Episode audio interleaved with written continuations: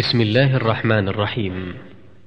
أيها الأحبة يسر تسجيلات التقوى الإسلامية بالرياض أن تقدم لكم هذه المادة والتي هي بعنوان جيل القرآن. لفضيلة الشيخ محمد المختار الشنقيطي إن الحمد لله نحمده ونستعينه ونستغفره ونستهديه ونعوذ بالله من شرور أنفسنا ومن سيئات أعمالنا. من يهده الله فلا مضل له ومن يضلل فلا هادي له وأشهد أن لا إله إلا الله وحده لا شريك له وأشهد أن محمدا عبده ورسوله. أرسله بين يدي الساعة بشيرا ونذيرا وداعيا إلى الله وداعيا إلى الله بإذنه وسراجا منيرا. صلى الله عليه وعلى آله وصحبه وسلم تسليما كثيرا.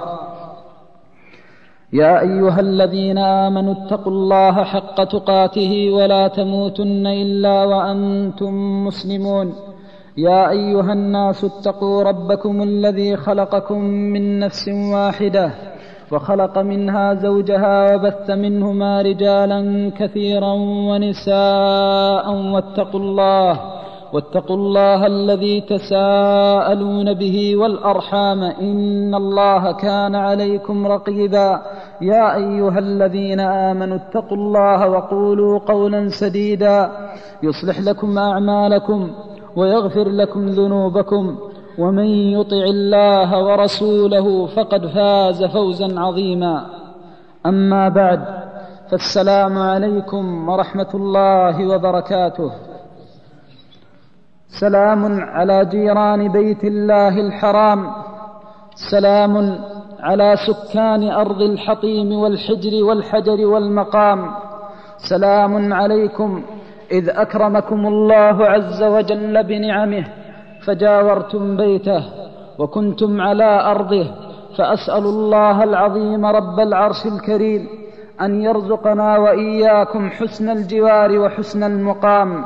أيها الأحبة في الله ما أطيب المجالس إذا طيبت بذكر الله وما أطيب المجالس إذا طابت بطاعة الله وما الذي يأخذه المؤمن من هذه الدنيا غير كلمة تدله على الله أو نصيحة تثبته على طاعة الله ومرضاة الله؟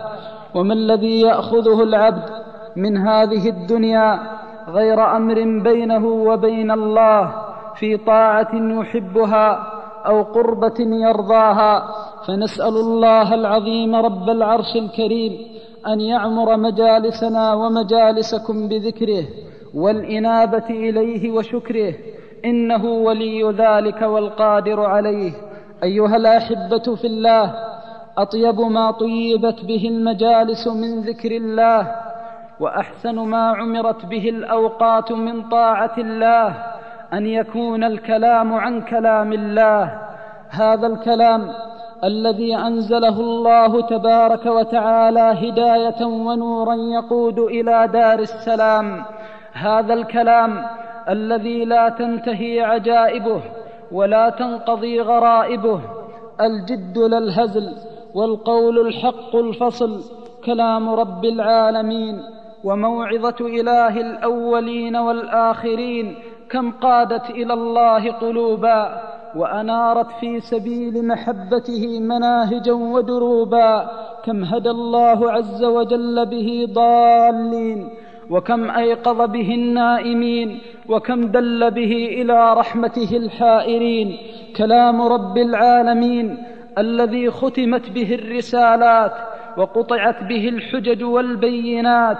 كلام الله الذي منه مبتدأه وإليه منتهاه. كلام الله الذي سمعته الجن فآمنت وأقرت وصدقت فقالت إنا سمعنا قرآنا عجبا يهدي إلى الرشد فآمنا به ولن نشرك بربنا أحدا. هذا الكلام الذي أنزله الله نورا ودليلا إلى دار السلام أوجب به الرحمات وأعد لأهله علو الدرجات وكفر به الخطيئات وجعله موجبا للرحمات. هذا الكلام العظيم والنور الكريم الذي الذي اصطفى الله له الأخيار فقلب قلوبهم على أوامره وزواجره آناء الليل وأطراف النهار.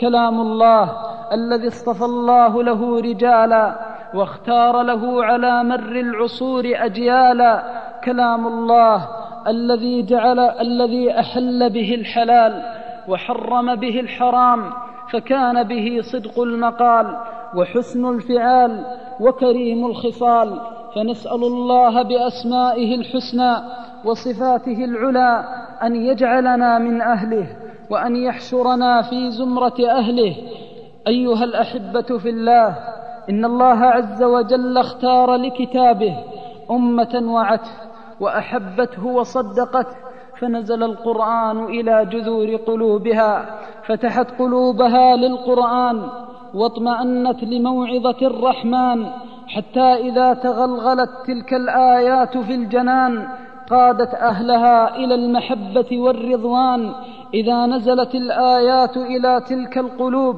نزلت كالغيث إذا أصاب الأرض الطيبة فكلام الله مع أحباب الله وأولياء الله يطهرهم لطاعته ويؤهلهم لمرضاته ومحبته. إذا سمعوا القرآن وجلت قلوبهم لسماعه فبكيت عيونهم من عظاته وتحركت أشواقهم لجناته. كم سمعوا فيه من الآيات التي تفطر القلوب لطاعة رب الأرض والسماوات. سمعوا تلك الآيات فاستقرت في قلوبهم فترجموها في الحياة حتى أصبح القرآن دليلا أمام أعينهم. القرآن الذي أحب الله أهله واصطفى أولياءه فاختار له رجالا وامما واجيالا أحبته من قلوبها وحققته بقوالبها فهذه الأمة التي عاشت ليلها مع كتاب الله ونهارها في تحقيق العبودية لله ما أفضت إلى الله إلا والقرآن شاهد لها لا شاهد عليها. نزل هذا القرآن على النبي صلى الله عليه وسلم. يوم نزل فافترق العباد إلى فريقين وطائفتين ونحلتين. طائفة كذبت ولم تؤمن به ولم ترض به فأعرضت عنه وأنكرته وكفرت به فأذاقها الله الهوان وألبسها الذل في سائر الأزمان. وطائفة احبته واقتربت منه وارتضته هذه الطائفة المنصورة أعلامها مشهورة وفي الخير مشهودة. أهل القرآن الذين هم أهله وخاصته الذين أحبوه بقلوبهم وطبقوه بقوالبهم.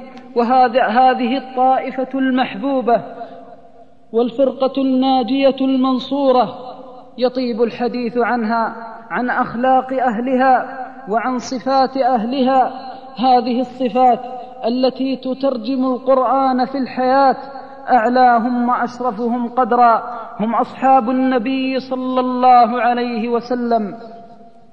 فجيل القرآن أول شواهده وأعظم دلائله أصحاب النبي صلى الله عليه وسلم. نزل القرآن يوم نزل ففتحوا قلوبهم لآياته وفتحوا قوالبهم لعظاته فقادهم القرآن إلى الله فحققوه وطبقوه حتى أخذوا أرواحهم في أكفهم يجاهدون في سبيل الله ويقاتلون أعداء الله ويوالون أولياء الله بكلام الله. أصحاب النبي صلى الله عليه وسلم الذين اصطفاهم الله واجتباهم لرؤية منازل القرآن وحوادثه ومعاركه فكان القرآن ينزل على النبي صلى الله عليه وسلم والكل يراه والكل يعلمه ويشاهده فحققوا القرآن بالعمل. وما توفي رسول الله صلى الله عليه وسلم إلا والصحابة وكل واحد من أصحابه قرآن يمشي على وجه الأرض. فكانت هذه الأمة مع كتاب الله سهرت ليلها. وظمئت نهارها فكانوا رهبان الليل وفرسان النهار بقال الله قال رسول الله صلى الله عليه وسلم وإذا أحب الله العبد رزقه أن يسير على نهجهم فما مات أصحاب رسول الله صلى الله عليه وسلم إلا وخلفوا أشباههم من التابعين ومن الأئمة المهديين المحبين لكلام رب العالمين توفي أصحاب النبي صلى الله عليه وسلم بعد أن تحكم القرآن في قلوبهم وترجم في قوالبهم فغرسوا هذا القرآن في أتباعهم والسائرين على نهجهم بإحسان.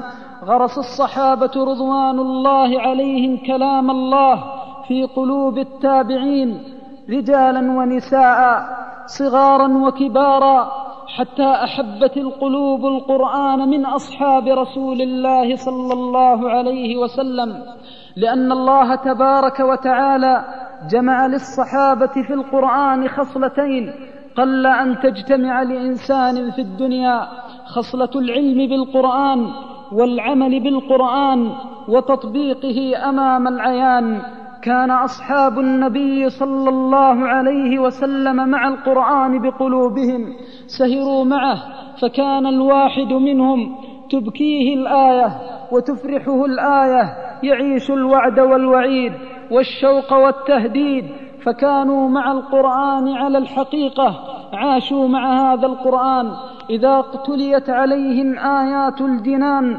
طارت قلوبهم فو... طارت قلوبهم شوقا إلى الروح والريحان. إذا تلا الواحد منهم آيات الجنان كأنه يقطف من ثمارها ويتكئ على أرائكها وينظر إلى أشجارها وثمارها وأنهارها فما أعظمها من أمة. وإذا تلا الواحد منهم الآية التي فيها ذكر النيران وغضب الواحد الديان صعق كأن زفير النيران بين أذنيه. أمة أحبت كتاب الله صدق المحبة فلما رأت رسول الله صلى الله عليه وسلم يذكرهم به ويعظهم به علموا أنه القول الفصل وأنه الجد للهزل الذي يحتاج لمن يحمل همومه وغمومه. ويبادله مشاعره وأشجانه وأحزانه. فإذا أردت أن تنظر إلى جيل القرآن في أبهى صوره وأجمل حلله فانظر إلى تلك الأمة المصطفاه واقرأ عن سيرة أصحاب المصطفى صلى الله عليه وسلم. إذا قرأت في سيرهم لا تدري أتعجب من علمهم بالقرآن ومعرفتهم لكلام الرحمن. إذا قرأت سيرتهم لا تدري أتعجب من علمهم بكلام الله أم بمعرفتهم بأحكام الله وشرائع الله أم بوقوفهم عند حدود الله وزواجر الله. تعطر كالسيره وتنفح كالسريره فتجد الصدق الذي لا كذب فيه والحب الذي لا شائبة فيه. كان أصحاب النبي صلى الله عليه وسلم مع القرآن صغارا وكبارا رجالا ونساء فلما رأوا آثار القرآن في حياتهم ووجدوا لذته في دنياهم غرسوه في قلوب الناس. فكان إمامهم عبد الله بن عباس إذا وقف يتلو كتاب الله تفجرت ينابيع الحكمة من لسانه وظهرت دلائل الحق من حسن بيانه ووقف في عرفة يوم أن ولاه علي رضي الله عنه الحج عامة فتلا آيات البقرة ففسرها آية آية. يقول القائل لو رأته الفرس والديلم لأسلمت لله من جماله وبيانه. هذا الصحابي الجليل لما رأى عظمة التنزيل وما له عند الله العظيم الجليل أحب كتاب الله. فلما توفي رسول الله صلى الله عليه وسلم تعلق بكلام الله وقال في نفسه إن قبض رسول الله صلى الله عليه وسلم فكتاب ربي موجود. وإن ذهب رسول الله صلى الله عليه وسلم فكلام الله غير مفقود فعاش مع هذا القرآن فالتزم باب زيد بن ثابت وكان نعم الصحابي القانت الثابت التزم بابه فكان رضي الله عنه وأرضاه يسأله عن القرآن آية آية ويوقفه أمامه حرفا حرفا فرضي الله عنه وأرضاه حتى كان يبكر من الفجر إلى بيت ذلك العالم الجليل من الصحابة وهنا وقفة لأهل الخير والرضا وشباب الصحوة وطاعة الله جل وعلا. أن تشحذ الهمم إلى العلم بالقرآن فإن عبد الله بن عباس رضي الله عنه وأرضاه مع صغر سنه لم ير أن بينه وبين القرآن حاجزا فأقبل على زيد وتعلم منه ذلك العلم النافع وكان يبكر قبل صلاة الفجر على باب زيد يحب أن يراه الله يضرب الخطى لكي يتعلم كلام الله. كان يغدو من الفجر فينام على عتبة زيد بن ثابت حتى إذا خرج إلى صلاة الفجر أيقظه وكان رضي الله عنه وأرضاه. يخرج في شديد الظهر والهاجرة لكي يسأل الصحابي عن آية من كتاب الله. يقول رضي الله عنه إن كنت لأجلس على باب الرجل أسأله عن آية من كتاب الله وهو نائم. إن كنت لآتي الرجل في بيته وهو نائم في شدة الهاجرة فأجلس على بيته والريح تسفني يعني السموم والريح. لو أمرتهم أن يوقظوه لأيقظوه أنتظر خروجه فأسأله. فكان كتاب الله في قلبه عظيما وكان يعظم من كان يعرف كلام الله. وهنا وقفة لكل من يريد أن يكون من جيل القرآن أن يغرس في قلبه حب كلام الرحمن وأن يكون مع هذا الكلام في جميع ساعاته وحركاته وسكناته. فلما توفي فلما توفي زيد بن ثابت إمامه وشيخه وقف أمام ذلك العلم الجليل الذي فقه التنزيل فدمعت عيناه وبكي رضي الله عنه وأرضاه فقال ألا من سره أن ينظر كيف يقبض الله العلم؟ فلينظر هكذا يقبض الله العلم. إن الله لا يقبض العلم انتزاعا ينتزعه من صدور العلماء ولكن يقبضه بموت العلماء. فبكى رضي الله عنه وأبكى الناس لفراق شيخه في كتاب الله. فلما بلغ مبلغه من العلم تصدر رضي الله عنه وأرضاه فشعت أنوار التنزيل من كلامه وظهرت حجج القرآن من بيانه.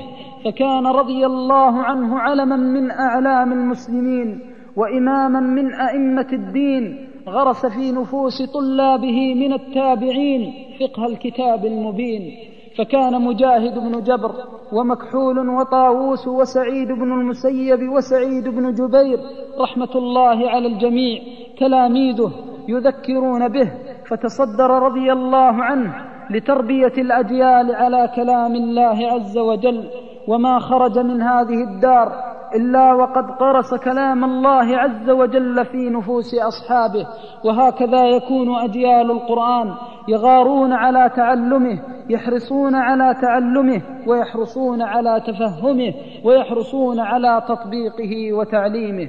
فنسأل الله العظيم رب العرش الكريم أن يجعل لنا ولكم منه أوفر حظ ونصيب أيها الأحبة في الله أصدق كلمة خرجت من الأفواه كلمة تذكر بكلام الله وأحب الكلام إلى الله القرآن. به ختم الله الرسالات وقطع به الحجج والبينات فأقامه شاهدا على وحدانيته ودليلا على عظمته وألوهيته. ولقد تكفل الله عز وجل للقرآن بالعز وجعل أهل القرآن في العزة والمكانة. والجلالة والكرامة فأهل القرآن هم أهل الله وخاصته. ما عاش أحد مع كتاب الله عز وجل إلا قاده إلى الله وعلق قلبه بالله سبحانه وتعالى. أهل القرآن تمكن حب القرآن من أفئدتهم وعاشوا مع تلك الآيات ساعات ليلهم ونهارهم. إذا جاء الليل بثوبه فأرخى عليهم سدوله وجاء الرجل منهم بعد أن أعياه التعب والنصب لكي يضع كف الراحة ويبدي للنفس ما هي به من استراحة. جاءت وآية من كتاب الله أو عظة من كلام الله فأقضت مضجعه ونغصت نومه وقادته للوقوف بين يدي ربه فهان عليه النوم والكرى وقام يناجي ربه جل وعلا تحركه آيات القرآن لكي يقف بها بين يدي الواحد الديان حتى إذا تلا فاتحته واستفتح علومه وأخباره إذا بتلك الآية تذكره بما عند الله عز وجل من النعيم أو ما عنده من العذاب والجحيم فقرعت مسامعه مقارع التنزيل فقادت قلبه وقالبه إلى العظيم الجليل. يستفتح الآية من الجنان حتى إذا استقرت منه في الجنان فتذكر ما فيها من الروح والريحان وما فيها من الكرامة من ربه الديان. أحس بأن الشوق يقوده إلى الله ونادته ونادى بلسان حاله ومقاله رباه رباه. إذا ذكر بالجنان وما عند الله من الروح والريحان بكى واشتجى إلى ربه واشتكى لأنه يخاف أن تحول ذنوبه بينه وبين تلك الفرقة الصالحة. فكم نزل بالجنان من الأخيار وكم تقلد ما فيها من الحور وحسن القرار من أمم خلت في أزمنة مضت أطاعت ربها وسارت على نهج خالقها. فإذا قرأ المؤمن آيات الجنان يخاف أن تنقطع ما بينه وبينه من العراء يخاف أن ينقطع المسير بينه وبينهم فيحال بينه وبين الجنان بسبب الذنوب التي أصابها. والعيوب التي اقترفها يخاف من ذنب يحول بينه وبين الله أو إساءة تبعده عن جوار الله. وإذا ذكر الآية التي فيها ذكر النيران والجحيم وسخط الديان خاف من الله عز وجل أن يكون ذلك مآله وأن ينتهي به إلى ذلك المنتهى فيكون قراره. فنسأل الله العظيم رب العرش الكريم أن يجعلنا ذلك الرجل الذي يعيش مع القرآن عظاته ويحيا بآياته. أيها الأحبة في الله أعظم الناس نصيبا في القرآن من جمع بين ثلاث خصال. الخصلة الأولى كثرة تلاوة القرآن والحرص على سماعه. كثرة تلاوة القرآن والحرص على سماعه. والله عز وجل أثنى على كلتا الطائفتين فقال في كتابه المبين إن الذين يتلون كتاب الله وأقاموا الصلاة وأنفقوا مما رزقناهم سرا وعلانية يرجون تجارة لن تبور. والله لا يحرص على تلاوة القرآن ولا يحرص على استماع القرآن إلا من أحبه الله عز وجل. ولذلك بداية بداية التوفيق لكي يكون الإنسان من أهل القرآن الذين هم أهل الله وخاصته الحرص على سماع القرآن والحرص على قراءة القرآن. ومن الناس من لا يرتاح إلا بسماع القرآن. وأذكر بعض العلماء الفضلاء إذا جلس على طعامه جلس والقرآن يتلى عليه. ومن الناس من لا تهنأ نفسه ولا يرتاح قلبه إلا بتلاوة القرآن. يتلوه قائما يتلوه قاعدا يتلوه مضطجعا كأنه نائما. هذا من أعظم التوفيق أن تكثر تلاوة القرآن ولا يوفق لكثرة تلاوة القرآن إلا من أحبه الله. وفي تلاوة القرآن رفعة الدرجات ومضاعفة الحسنات وحت الذنوب والخطيئات فمن أكثر تلاوة القرآن جاء القرآن له شفيعا. فقد أخبرنا النبي صلى الله عليه وسلم عن سورة من سوره أحبها رجل من العباد. سورة من سور القرآن أحبها رجل من العباد وأكثر من تلاوتها فأحل حلالها وحرم حرامها وشاء الله عز وجل أن يختاره إلى جواره فمات وانتقل إلى ربه فجاءت هذه الصورة وهو في ظلمات القبر. وفي لحده ومضجعه فجادلت له حتى أنجته من عذاب القبر وفتنة القبر. فما أجل القرآن إذا وفق العبد لتلاوته وتفهم آياته وتدبر عظاته. قال النبي صلى الله عليه وسلم اقرأوا القرآن فإنه يأتي يوم القيامة شفيعا لأصحابه. كثرة تلاوة القرآن من أجل النعم التي يوفق لها الإنسان بعد نعمة الإيمان.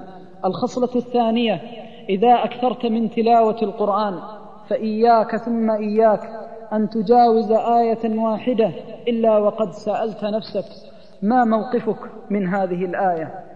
أمرتك فهل ائتمرت؟ ونهتك فهل كففت وانزجرت؟ ما موقفك من هذه الآية الكريمة؟ هل هذه الآية حجة لك أو حجة عليك. إذا تلوت أي آية من كتاب الله فقف معها وسل نفسك هل هذه الآية لك أو عليك. فإن كانت الآية لك فاحمد الله على التوفيق واسأله الثبات عليها إلى لقائه.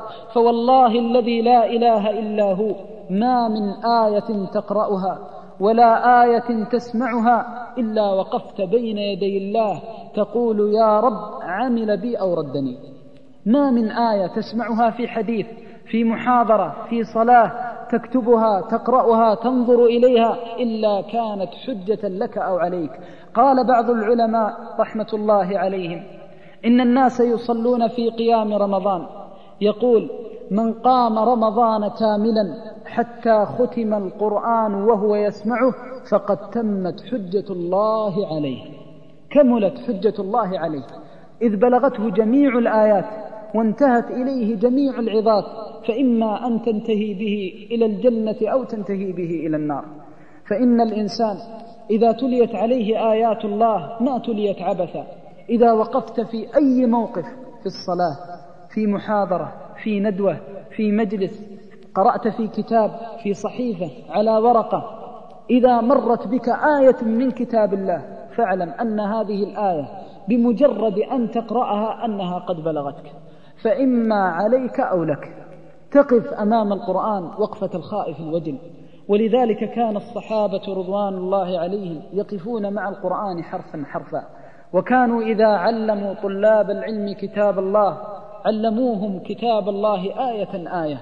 يقول مجاهد عرضت القرآن على ابن عباس ثلاثين مرة. وقال في رواية ثانية عرضته ثلاث مرات أسأله عن كل عن القرآن آية آية وهذا من أبلغ ما يكون. فإنك إذا تلوت من القرآن قليلا مع التدبر والتفهم عرفت مكانك من القرآن. ولو لم يكن للإنسان مع القرآن إلا أن يعرف قدره فإن ذلك من أعظم التوفيق. فإن الناس مع القرآن على ثلاث مراتب منهم سابق بالخيرات ومنهم مقتصد ومنهم ظالم لنفسه. ثلاث مراتب.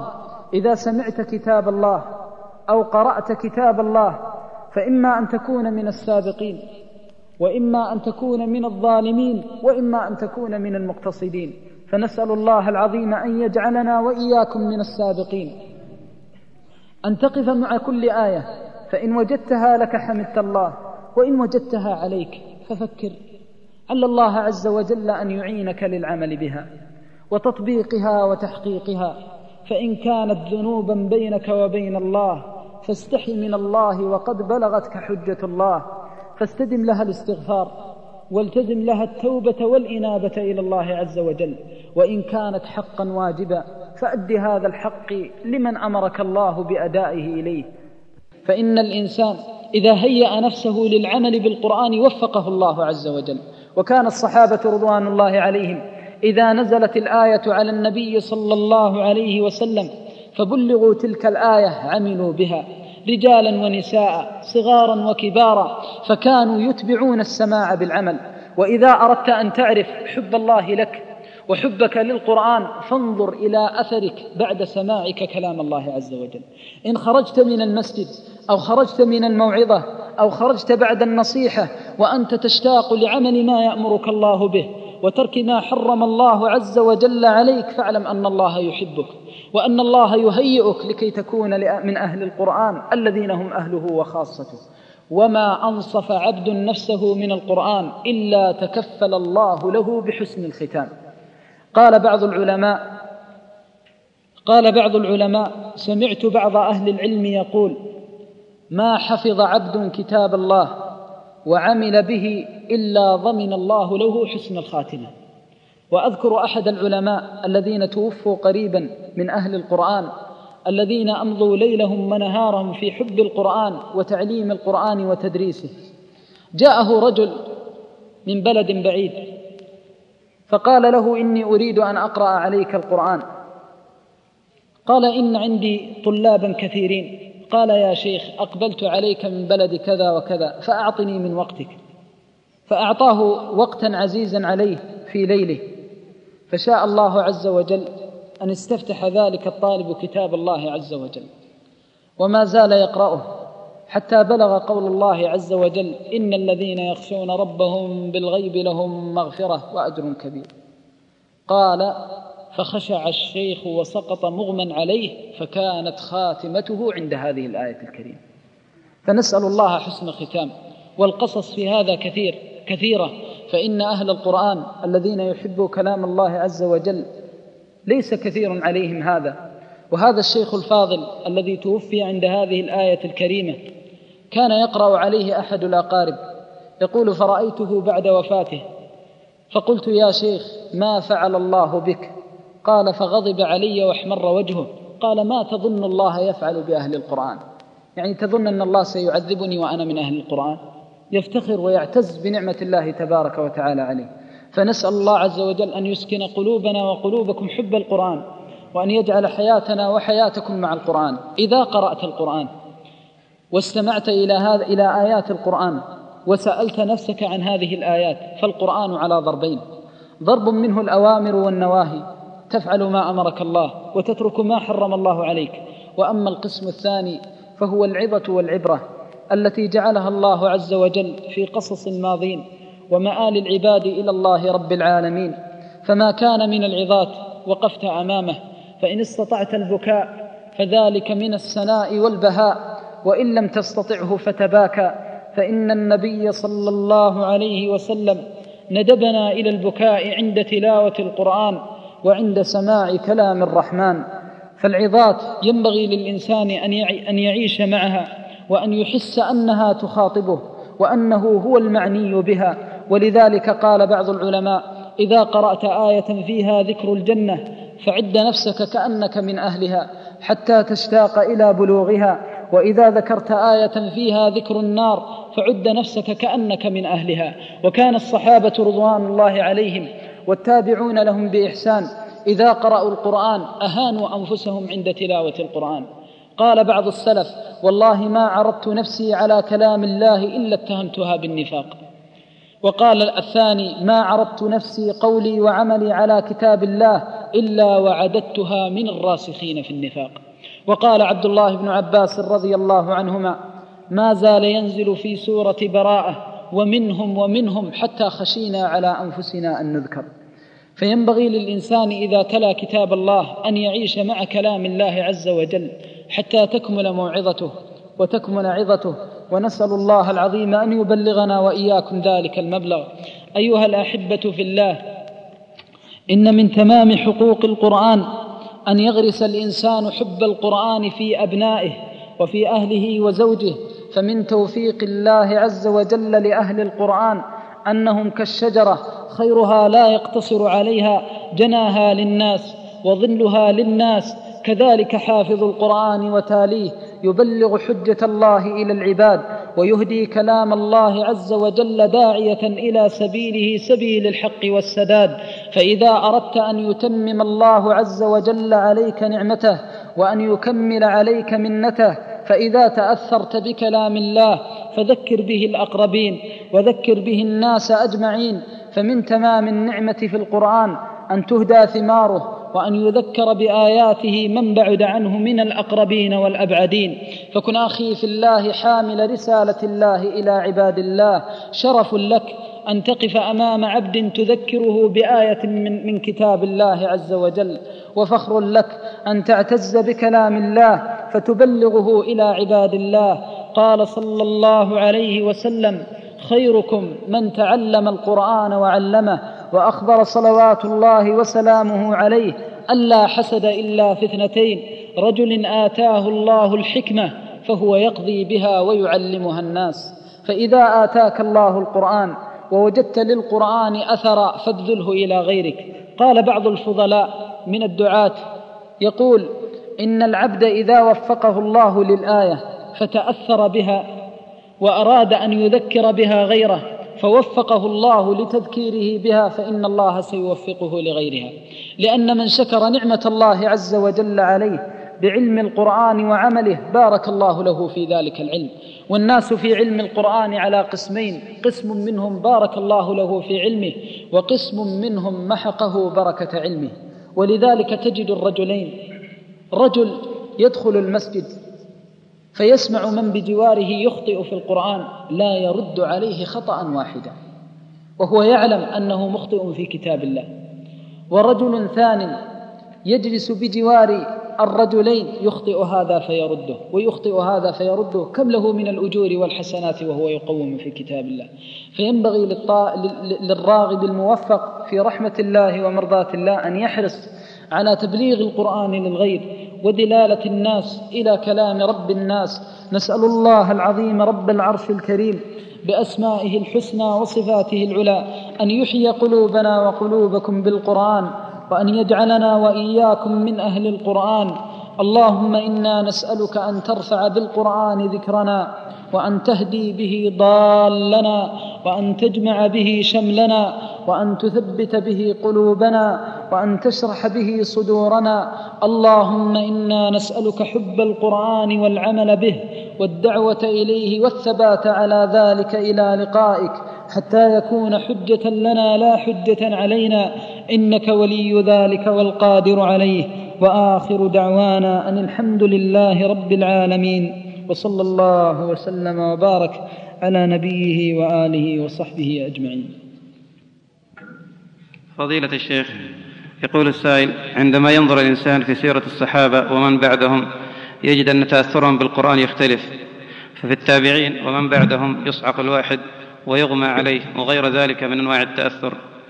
أما في الصحابة فلا يحصل مثل هذا النوع من التأثر بل أقل. فكيف نفسر هذا؟ بسم مع حالنا في وقتنا هذا. بسم الله الحمد لله والصلاة والسلام على رسول الله وعلى آله وصحبه ومن والاه. هذا السؤال لا شك أنه من أفضل الأسئلة وأدقها. وهو يعتبر إشكالا عند العلماء رحمهم الله. ووجه هذا أن الصحابة رضوان الله عليهم كانوا يسمعون القرآن ويذكرون بالقرآن ولم يقع لهم ما وقع للتابعين من بعدهم.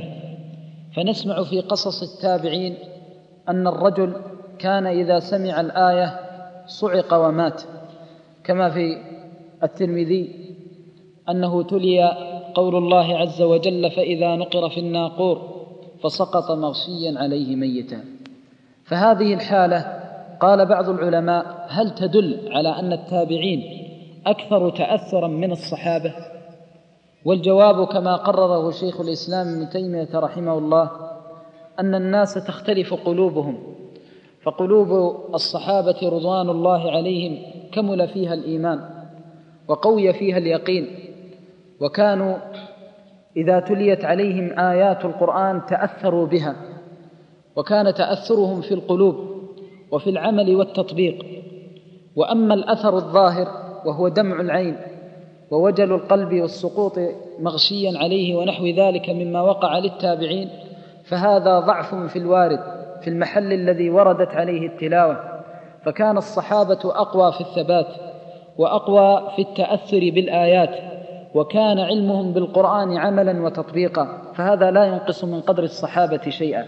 وهذا هو أنسب الوجوه في الجمع أن الصحابة رضوان الله عليهم قوي يقينهم ولم تكن قلوبهم كقلوب التابعين أرق. وهذا لا ينقص قدر الصحابة كما قلنا والله تعالى أعلم.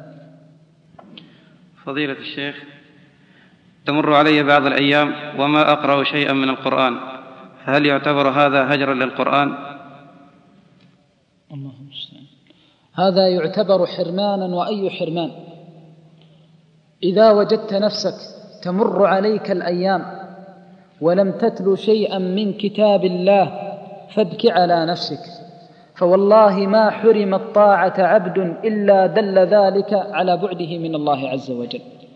قال سفيان الثوري رحمه الله أذنبت ذنبا فحرمت قيام الليل ستة أشهر. فإذا وجدت أن الأيام تمر عليك وليس لكتاب الله حظ في أيامك وساعات ليلك ونهارك فابك على نفسك واسأل الله عز وجل العافية واطرح بين يدي الله عز وجل منيبا مستغفرا فما ذلك إلا بذنب بينك وبين الله والناس الآن يهجرون كتاب الله والسلف يرتبطون بكتاب الله والفرق بين الطائفتين أن الفتن كثرت في هذا الزمان وما يدريك لعل فتنة في البصر أو فتنة في السمع أو فتنة في الفرج.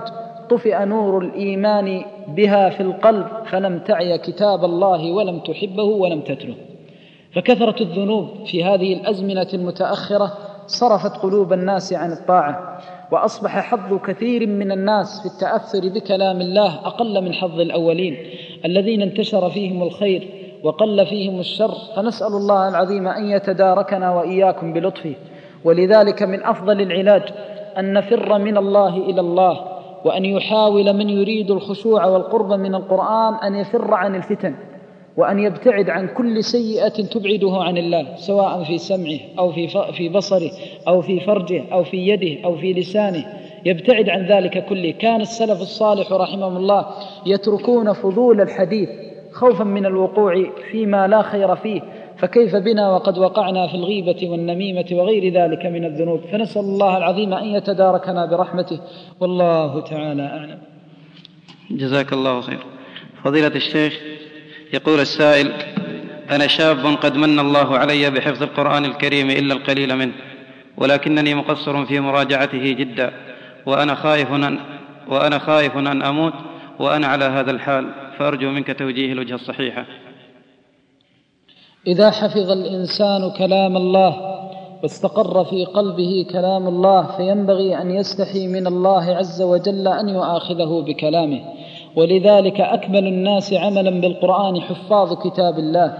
وإذا حفظت كتاب الله فاعلم أن كتاب الله يسألك حقا عظيما. وكان بعض الأخيار لا يأكل في السوق ولا يقف في المطاعم وكان يبتعد عن كل شيء فيه منقصه يقول أخشى أن يؤاخذني الله بالقرآن الذي في صدري. فالقرآن عظيم وصاحب القرآن في الجلال والتكريم. فإذا حفظت القرآن حفظك وإذا أكرمت القرآن أكرمك وإذا رفعت القرآن رفعك. ولذلك ما ينبغي على لا ينبغي للإنسان الذي أورثه الله عز وجل كتابه أن يقصر في تلاوته. فإن من دلائل الإيمان كثرة تلاوة القرآن. قال الله في كتابه الذين آتيناهم الكتاب يتلونه حق تلاوته أولئك يؤمنون به ومن يكفر به فأولئك هم الخاسرون. فأخبر أن من حرم تلاوة القرآن وحصل له الكفر بكلام الرحمن أنه من أهل الخسارة. فنسأل الله العظيم أن يعافينا وإياكم من ذلك. أوصيك أخي في الله وقد أكرمك الله بكلامه أن تجعل للقران حظا من الليل فتراجع كلام الله عز وجل في قيام الليل. اجعل لك ولو جزءا من كتاب الله عز وجل.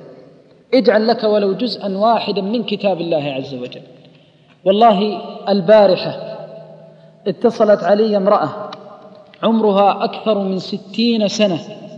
من حفاظ كتاب الله عز وجل من القرابة. تشتكي أنها في قيام الليل لم تعد تطيق الوقوف وتترخص في تلاوته وهي جالسة. فقلت سبحان الله أين الشباب الأصحاء الأقوياء الذين هم في عافية من الله؟ امرأة في آخر العمر عند المشيب والكبر تتمنى أن الله عز وجل يكرمها بذلك. ومع هذا لما سألتها إذا بها في الركعة تقرأ حزبا كاملا. حزب من القرآن. فأي فضل وأي غنيمة. والله إن الإنسان في بعض الأحيان إذا فكر في حال الصالحين وما كانوا عليه من الخيرات وجاءك ذكر الموت يحصل في القلب من الشجا والحزن ما الله به عليم. لا لشيء فقط والله نخشى أن تنتهي آجالنا وأن تنقضي أعمارنا وما عبدنا الله حق عبادته. نخشى أن نخرج من الدنيا ولسنا من أهل قيام الليل. ونخشى أن نخرج من الدنيا ولسنا من أهل القرآن الذين هم أهل الله وخاصته.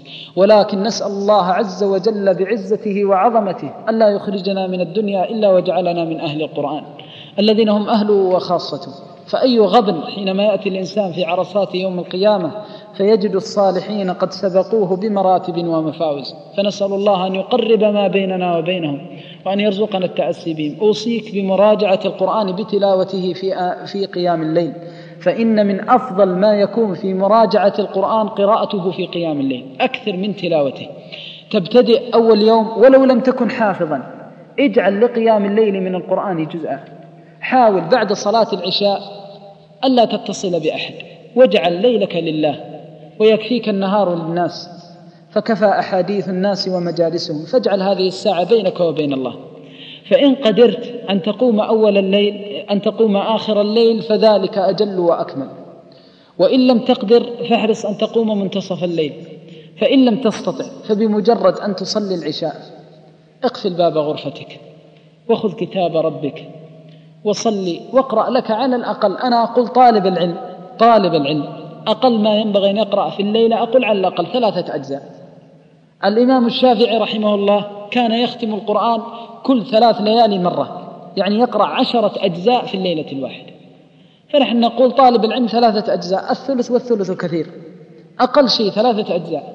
والله ثلاثة أجزاء في اليوم الأول تراها مثل الجبل واليوم الثاني نصف الجبل. واليوم الثالث كلا جبل واليوم الرابع مثل الغذاء الذي لا تستطيع أن تصبر عليه. ولو كانت على الإنسان أحمال الدنيا وهموم الدنيا وهو من أهل قيام الليل وجد أثر قيام الليل في حياته. وجرب وستجد ذلك. لن تقوم هذه النصف ساعة أحيانا نصف ساعة تختم فيها جزء. هذا الجزء ملايين الحسنات. والله تتأثر بها في قولك. وتتأثر بها في سمعك وتتأثر بها في سلوكك ويورثك الله بها الحب في عباده على قدر ما تلوت من كتاب. جرب وستجد ذلك. كتاب الله بيننا وبينه فجوات محبة الخلق على قدر ما بينك وبين كتاب الله عز وجل من المحبة. فاجعل نصف ساعة تختم بها جزءا كاملا إذا قرأته بارتياح.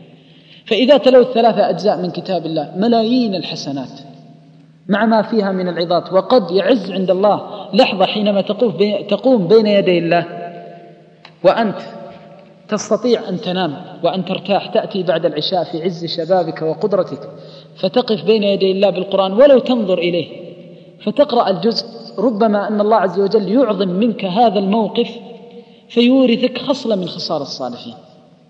ولربما أن يشرح صدرك للطاعة فلا ينقبض أبدا. فالله كريم. وما نال الصالحون درجات الصلاح إلا بالعمل الصالح بفضل الله ثم بالعمل الصالح. فأري الله عز وجل من نفسك أري الله من نفسك خيرا. والله إذا أراك تقترب منه قليلا زادك منه قربا.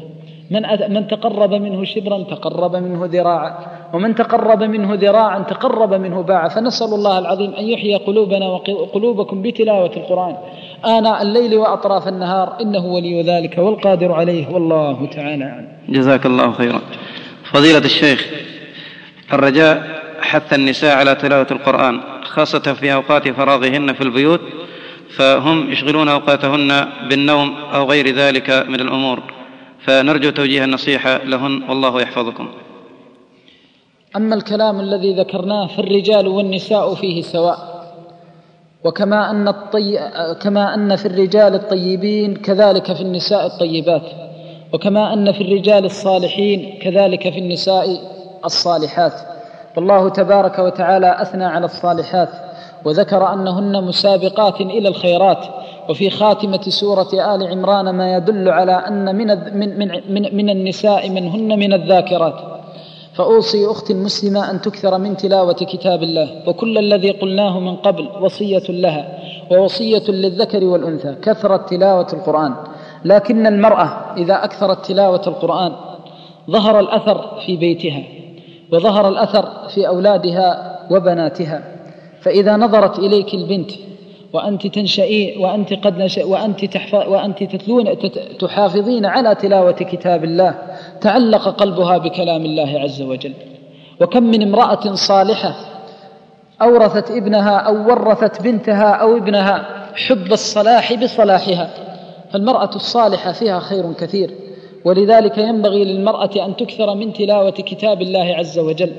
والنبي صلى الله عليه وسلم حفز النساء والرجال فقال اقرأوا القرآن فإنه يأتي يوم القيامة شفيعا لأصحابه. فنسأل الله العظيم رب العرش الكريم أن يجعلنا وإياكم من أصحابه. والله تعالى فضيلة الشيخ لقد لقد أتممت حفظ كتاب الله. ولكني قبل أن أختم القرآن كنت أتفاخر بأني حافظ لكتاب الله وكنت أحب أن يقال فلان حافظ وكنت على غير علم والآن ولله الحمد عرفت أن هذا لا يجوز وهو من الرياء فهل ينطبق عليه الحديث أول من تسعر بهم النار؟ ثلاثة. عفى الله عما سلف وعليك بما بقي من عمرك تصلح ما بينك وبين الله في نيتك. فما كان في سالف في فما كان وما مضى فلا تعلق قلبك به. وإذا ذكرت أقوالك الأولى فاستغفر الله عز وجل منها وتب إلى الله. فإن الذي ذكرته عظيما. فإن الإنسان إذا ورثه الله حفظ كتابه فقال مفتخرا أنا حافظ أنا حافظ للقرآن فقد أحبط على نفسه العمل. فإن الغرور يحبط العمل والعياذ بالله ويمحق بركة العمل. ولذلك إذا وجدت الإنسان على خصلة من خصال الصلاح ووجدته قد قرنها بالغرور محق الله بركة ذلك الصلاح. فينبغي للإنسان أن يخاف من الغرور وأن يخشى الله عز وجل فيما يقوله من الثناء والتزكية لنفسه. ولكن يقول أرجو أن أكون حافظا وأرجو أن يوفقني الله عز وجل لحفظ القرآن والعمل بالقرآن أو يصرف نظره عن كونه حافظا فيقول أسأل الله أن يوفقني للعمل بالقرآن. ويقول المهم أن تسأل عن العمل بالقرآن لا عن حفظ القرآن. والله تعالى أعلم. يقول السائل إنسان مبتلى بالوسواس في كل شيء وخاصة في الصلاة والوضوء فكيف أتخلص من هذا الوسواس؟ استعن بالله عز وجل فإنه نعم المولى ونعم النصير. سل الله عز وجل أن يشرح صدرك وأن يثبت قلبك وأن يدفع الوساوس عن جنانك. واسأل الله سبحانه وتعالى أن يعيذك من الشيطان الرجيم. فإن الله تبارك وتعالى لما ذكر الوساوس قرنها بقوله تعالى فاستعذ بالله إنه هو السميع العليم. فمن استعاذ بالله أعاذه بالله فأكثر من الاستعاذة. وادفل عن يسارك ثلاثا إذا وجدت الوسوسة في صلاتك أو وجدتها في وضوئك والله يعينك. أما الأمر الثاني فإذا غسلت كفك وجاءك الشيطان فقال لم تغسل فقل قد, قد سألت وكفيت المسألة فالمرة كافية فلا تصب مرة ثانية ولو قال لك إن صلاتك باطلة. ولذلك خير ما يعالج به الموسوس ألا يفتي نفسه. باب الوسوسة يأتي والعياذ بالله من فتوى الإنسان لنفسه. إذا غسلت الأعضاء أو قمت فصليت الركعة أو الركعتين أو الثلاثة وجاءك الشيطان فقال لك لم تغسل يدك لم تغسل رجلك غسلت يدك قال لك لم تستوعبها وأنت تعلم أنك قد صببت الماء عليها قال لك ادعك حتى يصل الماء إلى البشرة فقل له إن الله لم يكلفني بذلك ولا أفعل شيئا إلا بفتوى ومثلك لا يفتي فكن مع الله عز وجل بضبط نفسك بفتوى أهل العلم فأوصيك ألا تسمع لأي وسواس يأتيك. إذا قال لك لم تغسل يدك ورأيت الماء عليها فلا تلتفت. ولو قال لك إن هذا سيبطل صلاتك ويبطل وضوءك لأن الشيطان خبيث. يأتي الإنسان من باب الطاعة كما يأتيه من باب المعصية. فتقوى الوسوسه حينما يعظم له الأثر فيقول له أنت توضأت ولكن وضوءك غير صحيح. إذا صلاتك باطلة وإذا بطلت صلاتك فأنت غير مصلي وإذا كنت غير مصلي فأنت كافر. وقس على ذلك حتى ينتهي به الأمر إلى أقصى ما يكون من الشدة والعنة والحرج. فإذا بلغت هذا فاعلم أنه على غير شرعة ولا دين لأنه يخالف منهج رب العالمين فالدين يسر وهذا عسر والدين رحمة وهذا عذاب. فإذا وجدت من نفسك هذا فأعرض عن هذا كله واستعن بدعاء الله عز وجل عليه. والله تعالى أعلم. آخر سؤال في هذا اللقاء يقول بعض حفظة القرآن تجدهم يتكاسلون عن صلاة الفجر فتجدهم في بعض الأحيان يأتون الصلاة متأخرين وفي بعض الأحيان ينامون ولا يأتون للصلاة. فما هو توجيهكم لهؤلاء؟ طلاب العلم هم القدوة للناس. فينبغي أن يكون حالهم على الكمال. ومن حفظ كتاب الله عز وجل فقد حمل النبوة بين دفتي صدره. فينبغي عليه أن يكون على الكمال ما استطاع إلى ذلك سبيلا. فلا يقصر لا في صلاة الفجر ولا في غيرها. وينبغي عليه أن يتعاطى الأسباب التي تعينه على التبكير إلى المساجد إذا أمكنه ذلك. إلا إذا كان مشغولا بأمر عظيم أو مصلحة هي أعظم من تعليم الناس وتوجيههم ونحو ذلك فهذا أمر آخر. ولكن المنبغي عليه أن يتعاطى أسباب الكمال وأن يحرص على ذلك الكمال والله تعالى أعلم. هذا إعلان عن وجود معرض الكتاب والشريط الإسلامي في المعهد الثانوي التجاري بمكة في شارع الستين وفي ختام هذا اللقاء نسأل الله سبحانه وتعالى بأسمائه الحسنى وصفاته العلى أن يجزي فضيلة الشيخ محمد خير الجزاء على هذه هذه الموعظة وعلى هذه الكلمة. وعلى تحمله متاعب السفر في سبيل هذا. وصلى الله وسلم على نبينا محمد. أيها الإخوة بموجب فهرس تسجيلات التقوى فإن رقم هذا الشريط هو عشرة آلاف وثلاثمائة وخمسة وعشرون. أخي الكريم الشريط الإسلامي وسيلة عظيمة من وسائل الدعوة إلى الله. ولا شك أن استعمالك لهذه الوسيلة جزء من الدعوة إلى الله. ومن أحسن قولا ممن دعا إلى الله وعمل صالحا وقال إنني من المسلمين. فبادر أخي الكريم بإسماع هذا الشريط لمن تعرف ومن لا تعرف فلعل الله أن ينفع به والدال على الخير كفاعله. مع تحيات تسجيلات التقوى الإسلامية الرياض.